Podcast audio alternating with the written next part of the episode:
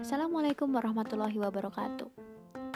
Dalam podcast kali ini, saya ingin berbagi sedikit tips tentang bagaimana cara belajar bahasa Inggris yang efektif namun cukup menyenangkan untuk dilakukan.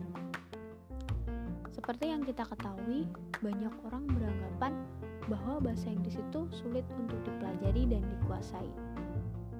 Namun sebenarnya hal tersebut tidaklah benar karena pada dasarnya segala ilmu pengetahuan apa pun itu bisa saja kita kuasai dan kita pelajari dengan mudah asalkan kita ada niat dan minat yang kuat untuk mempelajari ilmu pengetahuan tersebut termasuk bahasa Inggris.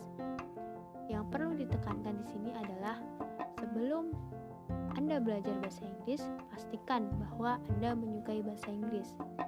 Karena dengan Anda menyukai bahasa Inggris, tidak akan ada rasa berat dalam mempelajari bahasa Inggris ke depannya. Tidak akan ada rasa beban ketika Anda sedang dalam proses mempelajari bahasa Inggris. Sehingga akan menimbulkan niat yang cukup kuat dan minat yang cukup kuat untuk menguasai dan mempelajari bahasa Inggris.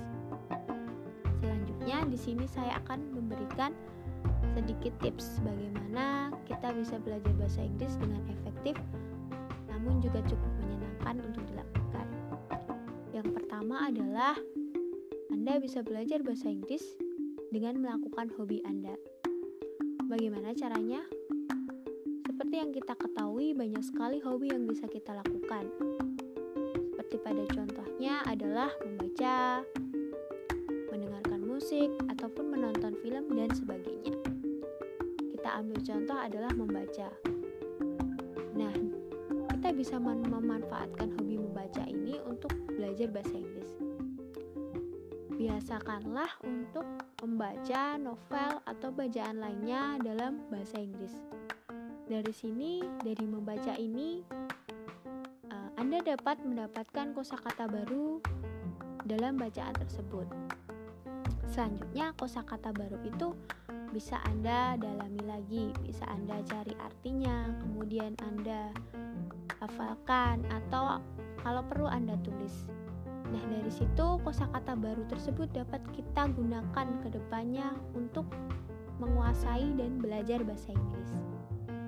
Kemudian adalah tips berikutnya adalah mempraktikkan. Nah, ini yang paling penting sih. Kita bisa belajar bahasa Inggris dengan cara kita mempraktikannya seperti hal yang mudah adalah kita berbicara dengan teman kita menggunakan bahasa Inggris. Ini cukup mudah sebenarnya untuk dilakukan. Namun kebanyakan dari kita takut terhadap anggapan bahwa ketika kita ngobrol dengan teman menggunakan bahasa Inggris itu ada anggapan bahwa orang Indonesia kenapa ngomong Inggris pasti ada yang bilang so Inggris seperti itu kebanyakan akan ada yang berkomentar seperti itu.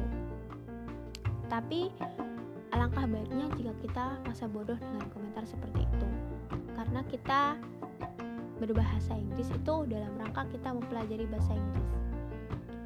Bahasa Inggris sendiri sebenarnya dapat dengan mudah dipelajari apabila kita bisa mempraktikkannya dalam kehidupan sehari-hari. Karena dengan praktik, menurut saya sendiri, akan lebih mudah bagi kita untuk mengingat setiap detailnya. Seperti ketika kita ingin berbicara kepada teman kita tentang suatu hal.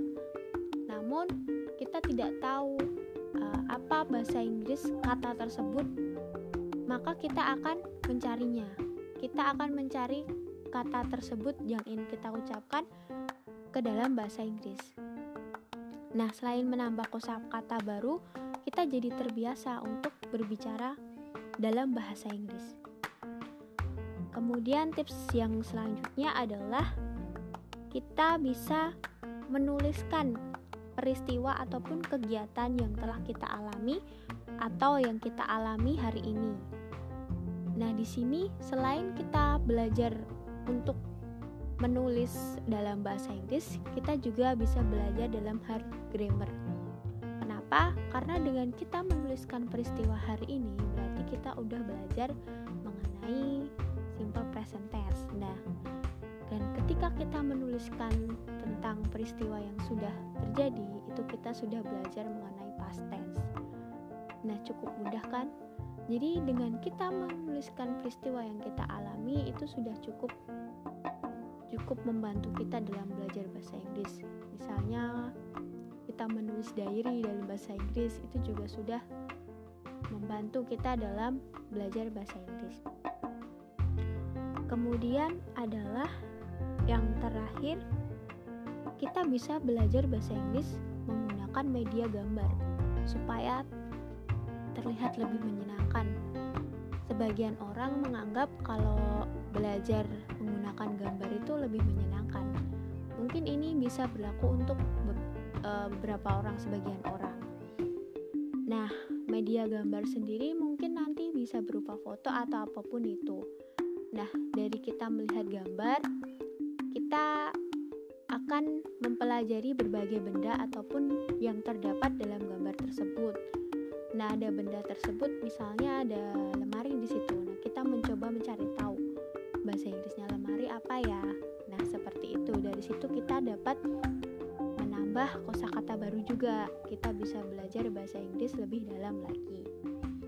Nah, itu sedikit tips dari saya untuk belajar bahasa Inggris yang bisa kita lakukan dalam kehidupan sehari-hari dengan efektif namun juga cukup menyenangkan karena kita bisa melakukannya bersamaan dengan aktivitas kita sehari-hari. Kembali lagi, saya tekankan bahwa untuk belajar bahasa Inggris sendiri yang terpenting adalah kita harus menyukai bahasa Inggris dan kita harus mempunyai niat dan minat yang kuat untuk belajar bahasa Inggris. Tips dari saya mungkin bisa saja tidak berguna kalau Anda sendiri tidak suka dan punya niat yang kuat untuk belajar bahasa Inggris. Nah, sekian dari saya. Semoga tips saya bisa sedikit membantu. Terima kasih. Wassalamualaikum warahmatullahi wabarakatuh.